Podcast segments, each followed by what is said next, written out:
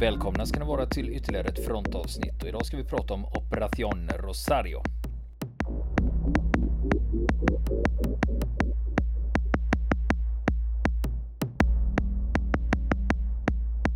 Och nu ska vi fortsätta prata om Operation Rosario. Ja, och det som pågår just nu runt Government House, det är ju eldstrider då. Men nu ska vi flytta oss norrut och vi ska upp vid de här landstigningsstränderna som ligger norr om Stanley. För utanför de här stränderna, där ligger fartyget Ara ARA, det är ju det här med, du vet, man har HMS och liksom, sådana förkortningar och argentinska flottan har ARA. Mm. Det är väl Argentina Republic Armada eller Armada Republic de Argentina eller något sånt då. Mm. Ja, just det. Något åt det hållet. Ja. Eh, fartyget som ligger där heter hur som helst Cabo San Antonio. Mm. Och i skrovet inne i det här fartyget, det här är ju ett stort fartyg. Va? Och i det här skrovet, där sitter manskapet upp i amerikanska Amtrax. Beteckningen på dem är LVTP7.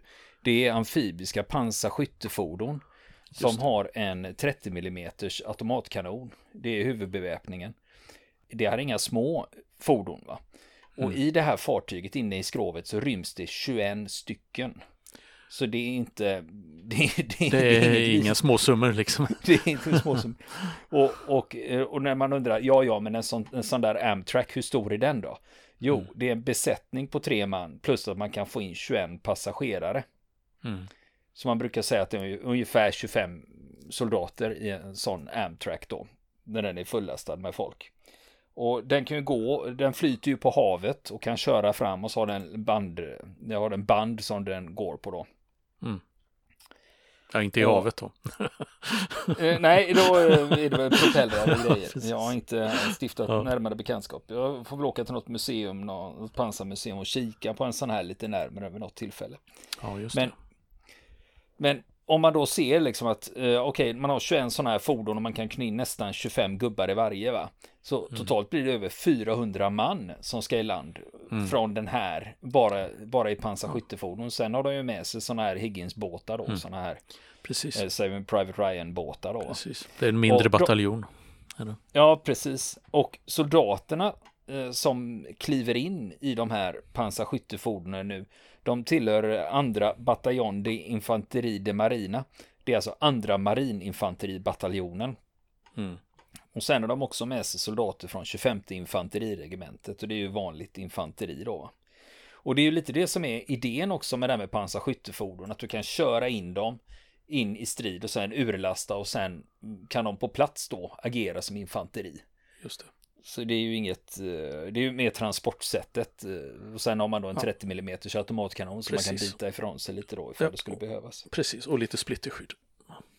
Ja, precis. Så man kan eh, ta, ta, ta in dem i striderna utan att de eh, lider för stora förluster jämfört med att de sitter på flaket på en oskyddad lastbil. Ja. Men sen den här landstigningen då med, med, med de här Amtraxen, den skulle starta klockan 06.00. Det var ju lite det som var idén, att 06.00 då skulle man ju egentligen slå till på Moody Brooks-barackerna, man skulle slå till på Governor House och landstigningen skulle starta. Det blir inte riktigt så, utan det första som hände var ju eldgivningen på Moody Brooks, sen kom eldgivningen vid guvernörsresidenset och den här landstigningen hade blivit framflyttad till 06.30.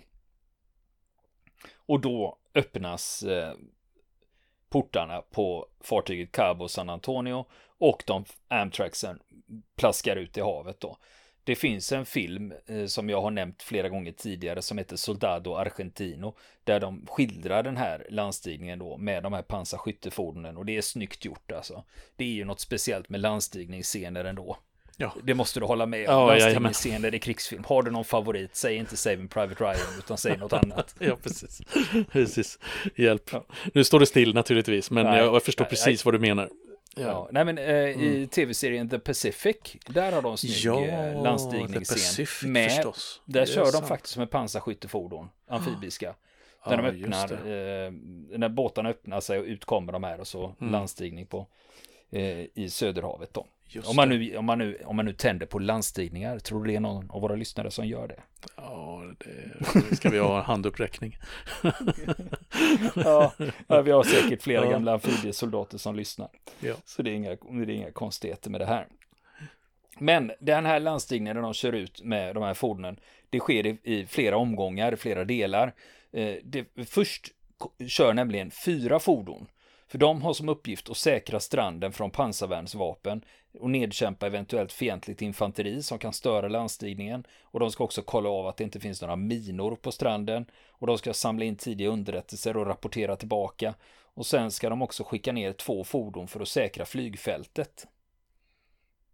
Som, eh, så det är liksom det primära uppdraget. Och de här fyra första fordonen, när de kör i havet, så kör de i en diamantformation. Så ja, att du har det. ett ledarfordon och sen har du två som säkrar upp på vardera sidan och sen ett släpande då. Mm, just det. Eh, och de kommer då eh, att ta sig i land utan något som helst motstånd, inga hinder och det finns inga mineringar, det finns ju ingenting. Eh, och för det var ju de här brittiska soldaterna, de två stycken som bevittnade den här landstigningen, de öppnade ju inte eld, utan de retirerade ju söderut. Mm. Man kan, man kan ju undra, bara som ett litet stickspår, hur mycket de eh, faktiskt hade spanat, rekognoserat tidigare före landstigningen. Ja, man mm. hade ju de här eh, attackdykarna, Boso Tacticos, de låg ja. ju i närheten. Mm. Eh, de klev ju land där uppe på en udde i närheten, just det, just så det är ju inte omöjligt. Och sen hade man också en ubåt som hade legat och spanat där, Santa Fe. Mm. Så att det var inte helt eh, okänd terräng.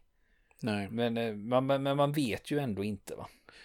Att, eh, men, man, man, skulle ju kunna, kunna tänka sig att mycket argentinska turister som sagt, som vi har snackat om tidigare, de sticker ju ut i en sån situation när det blir mycket eh, ja, politiska spänningar. Mm.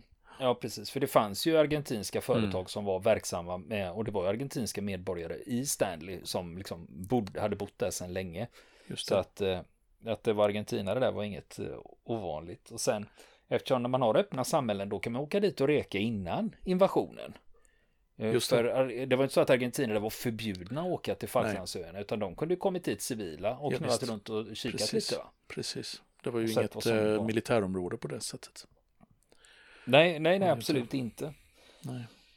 Så eh, Eh, de här brittiska soldaterna, de hade ju inte öppnat eld utan de retirerade ju söderut och det är klart de har en KSB 58, alltså eh, utan lavett. Och, och sen lite, lite enklare vapen och det var inte så mycket de hade att sätta emot när de ser att det kommer 21 pansarskyttefordon.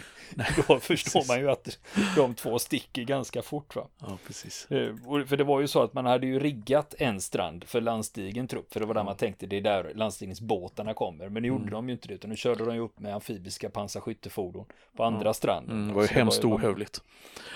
Ja, precis, när de inte har hållit sig till ja. planen. Va? Precis, utan eh, precis. fuskar. Va? Men, men de här två soldaterna, de hoppar upp på sina motorcyklar och rycker tillbaka. Och eh, det här, eh, som jag sa, de här fyra första fordonen, de kör ju land där utan problem, utan motstånd. Och eh, de fortsätter också ner till flygfältet. Och då har ju det redan hunnit säkrats av attackdykarna, alltså Buso Tacticos. För de hade ju tagit en fyr i närheten och sen hade de ju fortsatt till flygfältet och det finns ju ingen där. Eh, det var ju ingen strid om flygplatsen va.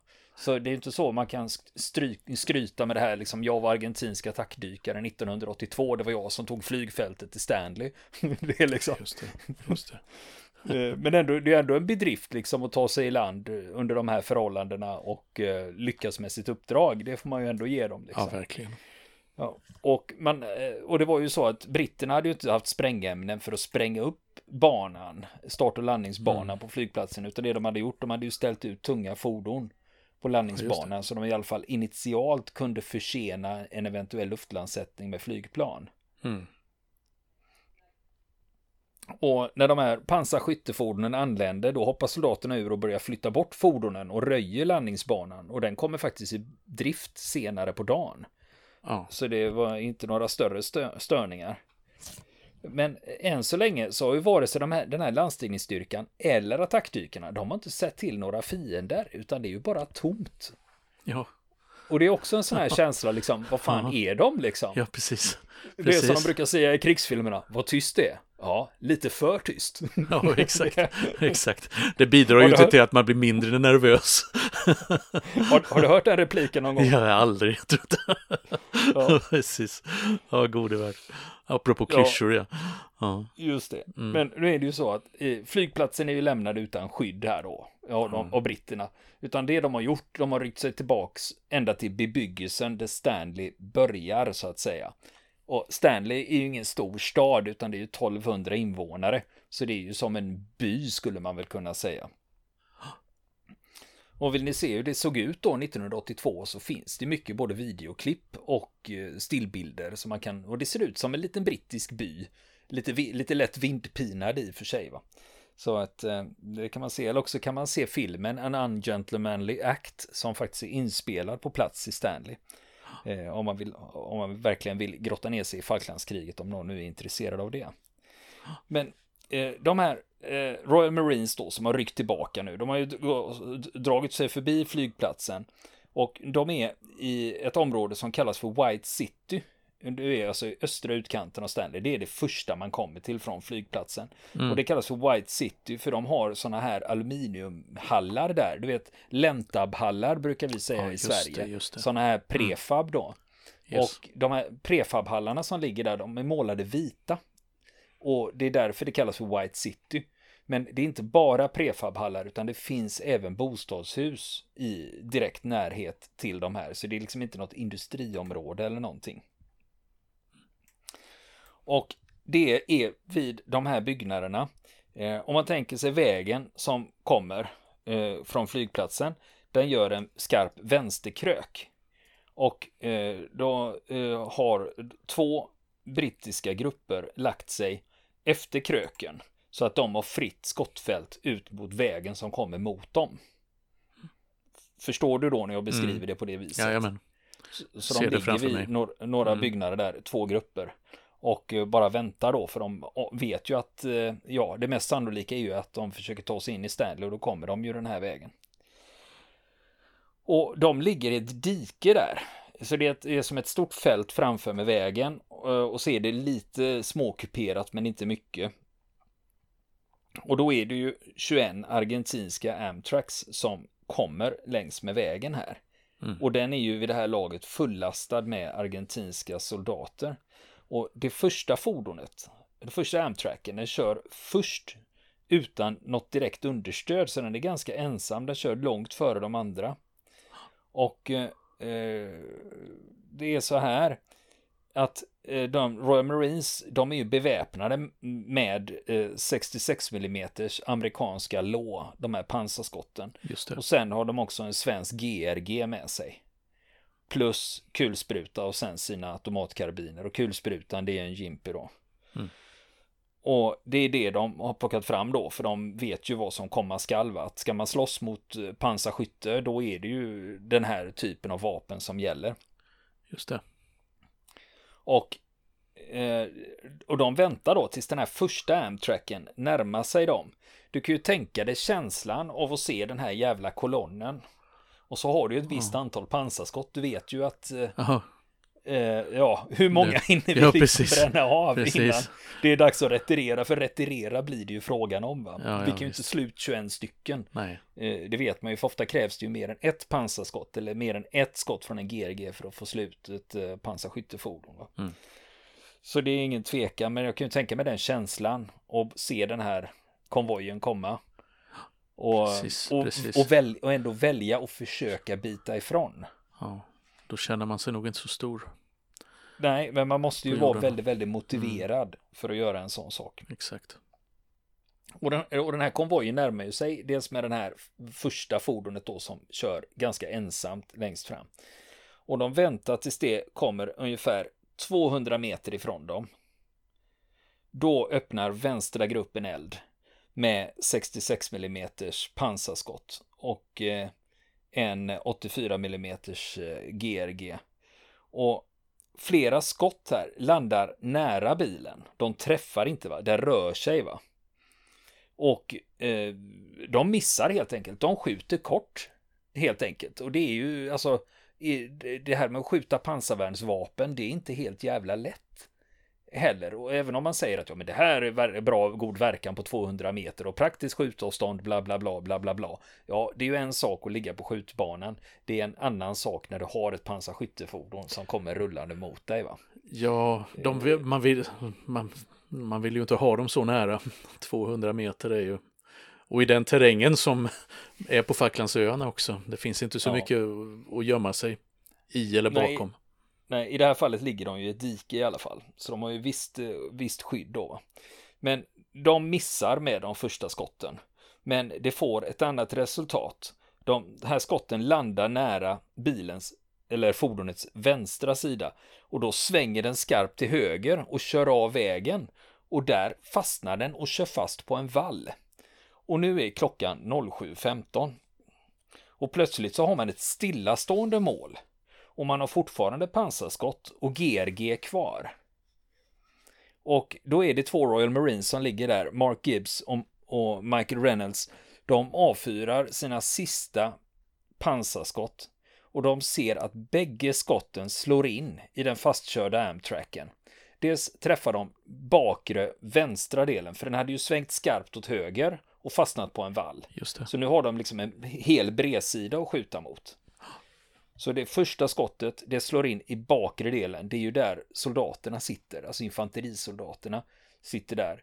Och den andra träffar precis bakom befälhavarens kupol. För om man tittar på bilder så är det som en kupol som sticker upp där, där befälhavaren sitter då.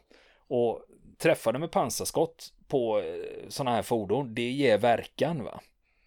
Eh, det ger effekt.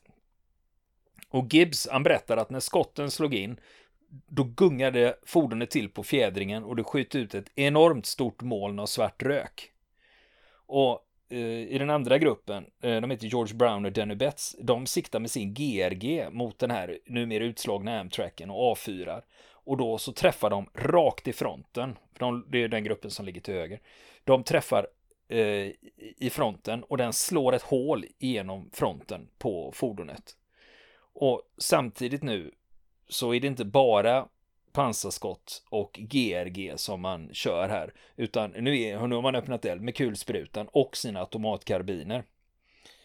Och, eh, och det gör man ju då när eh, folk ska försöka komma ut ur det här fordonet. Men, eh, men de ser inte att någon lämnar fordonet överhuvudtaget. Och nu har det, nu, men det är ju flera Amtracks på väg, så tre stycken har anlänt och börjat skjuta överallt. Och de har även stannat och då skjuter de med sina automatkanoner 30 mm. Och, och, och 30 mm det är ju extremt farlig ammunition för oskyddad trupp. Va? Eh, för blir du träffad av en sån då sprängs du ju. Va? Eh, så, eh, och, de här fordonen har ju stannat och de argentinska marinsoldaterna sitter av och börjar öppna eld mot britterna då. Va? Så nu börjar man ta eld då både från pansarskyttefordonens 30 mm och finkalibrig eld. Och inte nog med det, när de argentinska soldaterna sitter av så riggar de också upp en tung granatkastare och eh, de har också med sig granatgevär som de börjar öppna eld med. Så att nu är det tunga vapen med här då. Och de här argentinska Amtraxen, de har spritt ut sig snett framför britternas höger. Och det ligger alltså i britternas eldområde. Men det är en Amtrax som hamnar förhållandevis nära britterna. Och den öppnar eld med allt de har. Eh, och britterna har inga pansarvärnsvapen kvar, utan det enda de kan svara med nu, det är sina automatkarbiner och kulsprutan. Och det, den här eh, Amtraxen som står ganska nära dem, en av de brittiska soldaterna säger efteråt att ja, men när vi låg där och sköt med våra automatkarbiner och kulsprutor, det var ju omöjligt att missa. För det är ett väldigt, väldigt eh, förhållandevis stort mål. Va? Och, och det enda, ja, man kan ju inte slå hål på det med finkalibrig eld. Men de lyckas skjuta sönder förarens prismor. Eh, och, och, det stoppar Amtracken i alla fall. Och det beror ju på att då kan ju föraren inte se ut när de skjuter sönder dem då.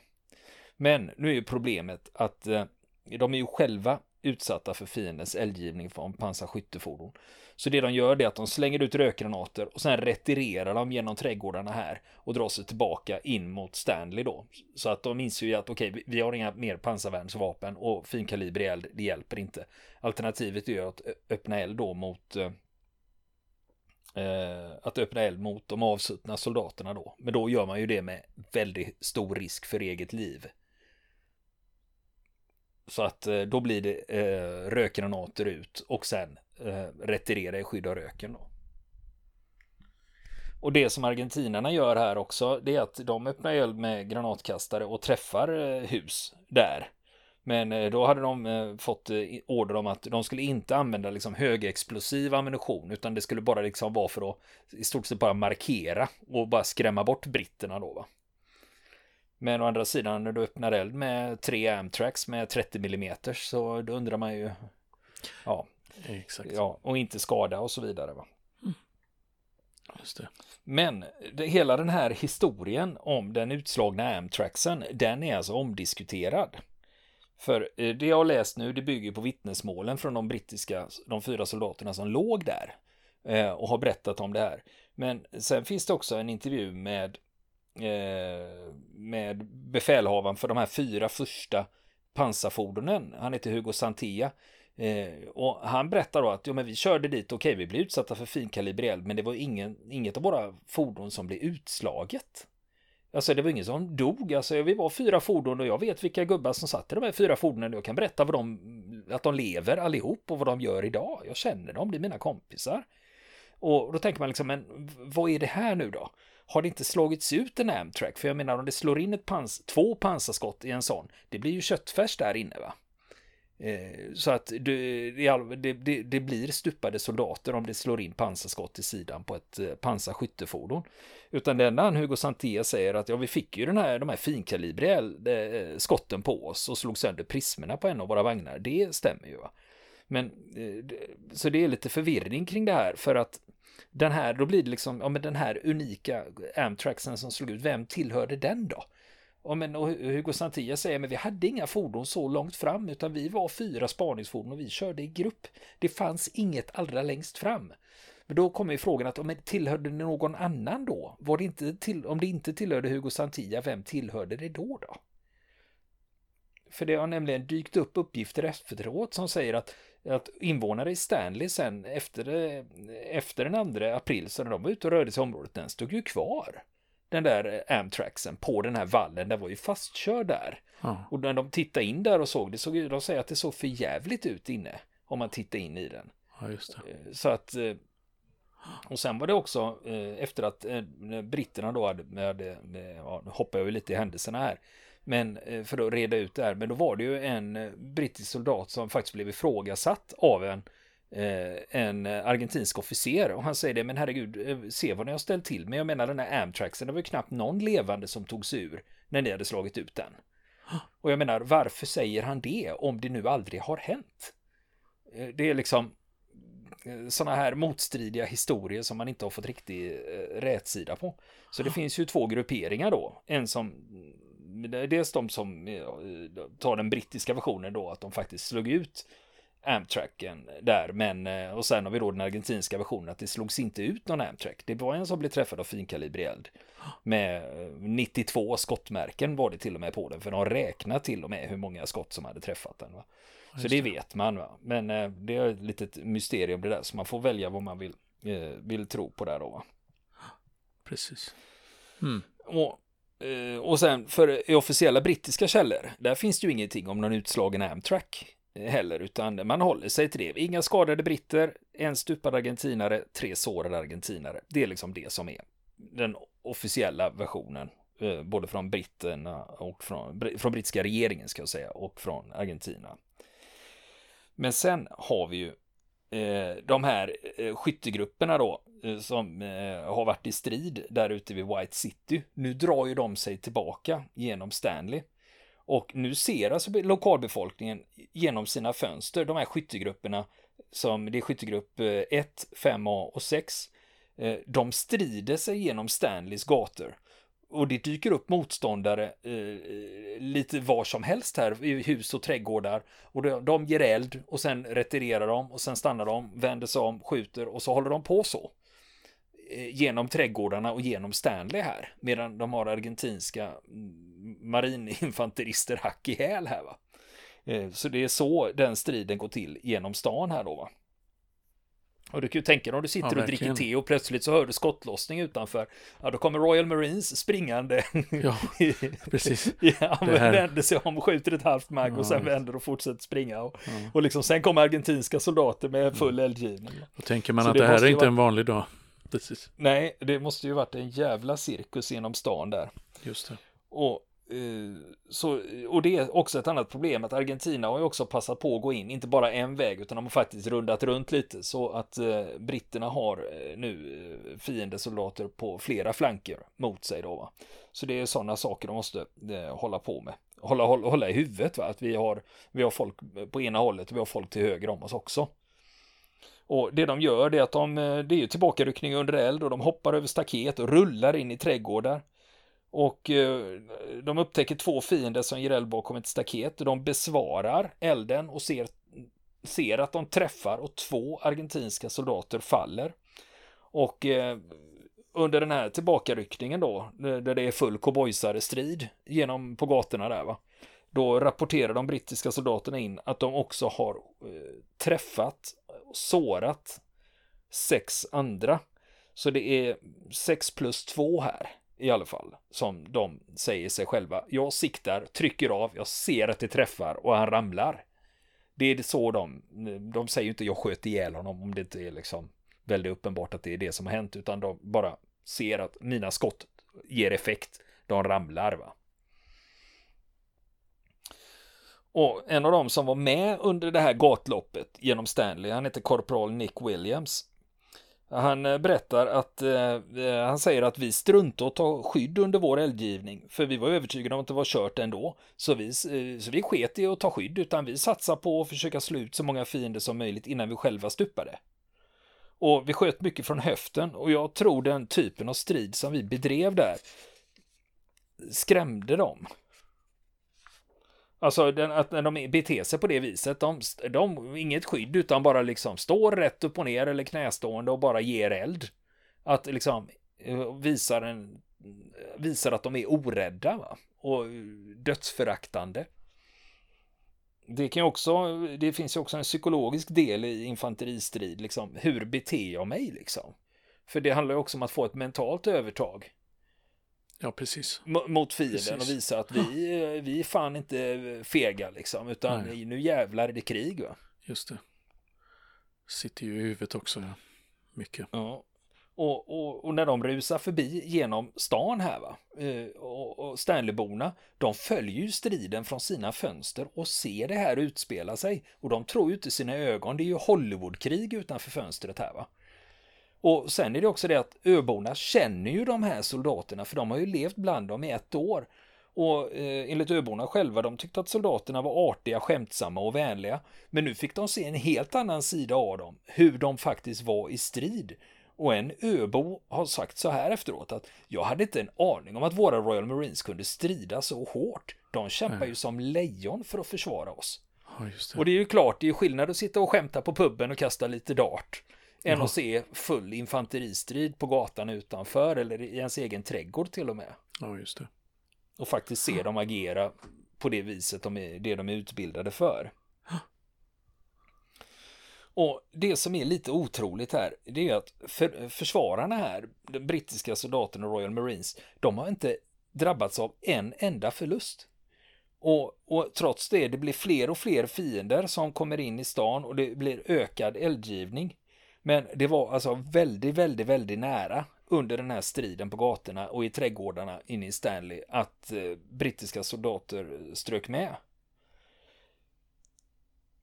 Och, eh, och de pressas ju hela tiden tillbaka av de argentinska marinsoldaterna. För de kommer ju nu nästan från alla sidor.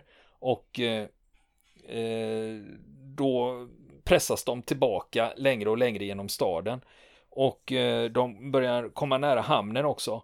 Och då är det skyttegrupp 1 där. Eh, som var ihop med 5A och 6 Men då gör skyttegrupp 1 eh, ett, de gör en rusning till Government House under fientlig eldgivning. Utan då är det liksom gatlopp och eh, kulorna viner runt dem. Va? Och ändå springer de, tyvärr blir de tvungna att springa över öppen terräng här. Men ändå satsar de då på Government House. Det är ju det som är deras Alamo. Det är ju där liksom sista striden ska stå. Men eh, skyttegrupp 5A och 6 lyckas inte ta sig till Government House utan de samlas på en båt i hamnen och där omgrupperar de och inväntar nya order. Antingen då eh, eller ett tillfälle att slå tillbaka. För nu har de ju en ganska övermäktig fiende inne i stan här va. Så det är där de gömmer sig så länge. Och om vi nu tänker på vad som händer i guvernörshuset. Där, är det ju fort, där pågår det ju fortfarande strid. Eh, den här striden som jag pratade om här vid White City, den inleddes ju 07.15. Så att nu har det ju faktiskt pangat på en bra stund borta vid guvernörsresidenset. Och det som händer är att Royal Marines, eh, de, eh, med hjälp av eld så slår de tillbaka anfallande vågor av argentinska soldater. Och de lyckades hålla den här stenmuren runt residenset också. Eh, och en av dem eh, som låg där vid den här muren, han hette Andrew McDonald. Eh, han berättar så här. De argentinska soldaterna tycktes använda SWAT-teknik och körde anfall ansatsvis i omgångar med fyra i varje. Och jag måste ha skjutit 30 skott på mål på ett avstånd från 10 till 30 meter. Och de fortsatte bara gå framåt och säcka ihop när de blev träffade. Och jag sköt en kille som fortsatte att springa, sen snubbla. Först hamnade han i en hallonbuske med benen som sticker upp i luften. Och jag vet att jag sköt ner två eller tre mer, åtminstone. Och, och, och, och, i de här sammanhangen, om du då ligger med en automatkarbin och skjuter på 10 till 30 meter, det är inga avstånd. Nej, det är nära. Det är riktigt, riktigt nära. Ja, och då är det också ingen tvekan om att när du skjuter, då, ser du, då mm. ser du vad som händer med den du träffar också. Ja, precis. Precis. Och på andra sidan huset, där är det också strid. Och där ligger eh, soldaten Fairfield och han säger så här att vi öppnade eld när vi fick tillfälle och det fanns många mål och jag är en bra skytt. Mm. Och det indikerar ju då att han har skjutit ner flera argentinska soldater när han säger, även om han uttrycker sig ganska milt. Han säger vi öppnade eld när vi fick tillfälle, fanns många mål och jag är en bra skytt. Hint, hint. Ja. Det är det han menar. Va? Ja, visst. Och eh, de argentinska soldaterna på den sidan, de drog sig nu tillbaka till en närliggande ås och tog betäckning bakom några stenar. Eh, men problemet är när de är uppe på den här åsen, då hamnar de mellan britterna och den uppstigande solen. Och då syns de ganska tydligt som siluetter. Och det här är ju perfekta mål då. För Royal Marines har ju faktiskt en prickskytt med sig, Jordi Gill. Mm. Och han har ju ett prickskyttegevär, en L42. Eh, det, var, det är en sån eh, moderniserad Lee Enfield då. Och han, eh, han ligger i Government House och han ser ju de här siluetterna och han ser dem tydligt. Mm. Så han har berättat efteråt att jag, ligger, jag ligger inne i huset där och jag ser ju siluetterna från de argentinska soldaterna som är uppe på åsen. Så att eh, jag siktar och jag trycker av och jag träffar en argentinsk gruppchef. Och sen laddar jag om Sen är det en skytt som sticker upp huvudet för att se vad det är som händer. Mm. Och då sänker han ju honom. Och Jill har också en stridsparskamrat, Terry Perez. Och han säger att eh, jag satte tio skott i en signalist och jag ser den här signalisten ramla ner. Och eh, eh det här är ju, då har ju argentinarna fattat att fan var ju en prickskytt här som eh, plockar av folk här va. Utan eh, det de ska göra för att lösa situationen det är att de går och hämtar en kulspruta. Eh, och det är en 50 kalibers Browning-kulspruta. Och det är en sån Margeuse. Det är en sån eh, rejäl pjäs va. KSB 88 heter den i svenska försvaret. Och den ska man ju då använda då för att liksom eh, kunna freda sig mot eh, prickskytten då som har dykt upp här. Och nu blir det som en duell här va. Mellan prickskytten Yale och den här eh, eh 50-kalibers kulsprutan. Va? Eh, och Jill skjuter, dyker ner i skydd, laddar om, upp med huvudet och skjuter igen. Och då berättar han att och då jag kom upp, då såg jag bara ett huvud i hårkorset. Och jag sköt, killen ryckte till, rullade runt och skyttens ben sparkade en stund men blev sen helt stilla. Jag såg honom genom mitt kikarsikte och jag satte ett skott i benet på honom för att se om han levde, men det var ingen reaktion. Han låg helt still. Och nästa vecka fortsätter vi prata om Operation Rosario. Vill ni komma i kontakt med oss så kan ni göra det via vår Facebook-sida som heter Fronten. Det är inga problem för er att leta er fram där. Eller också så mejlar ni på vår mejladress och det är frontenpodcast.gmail.com.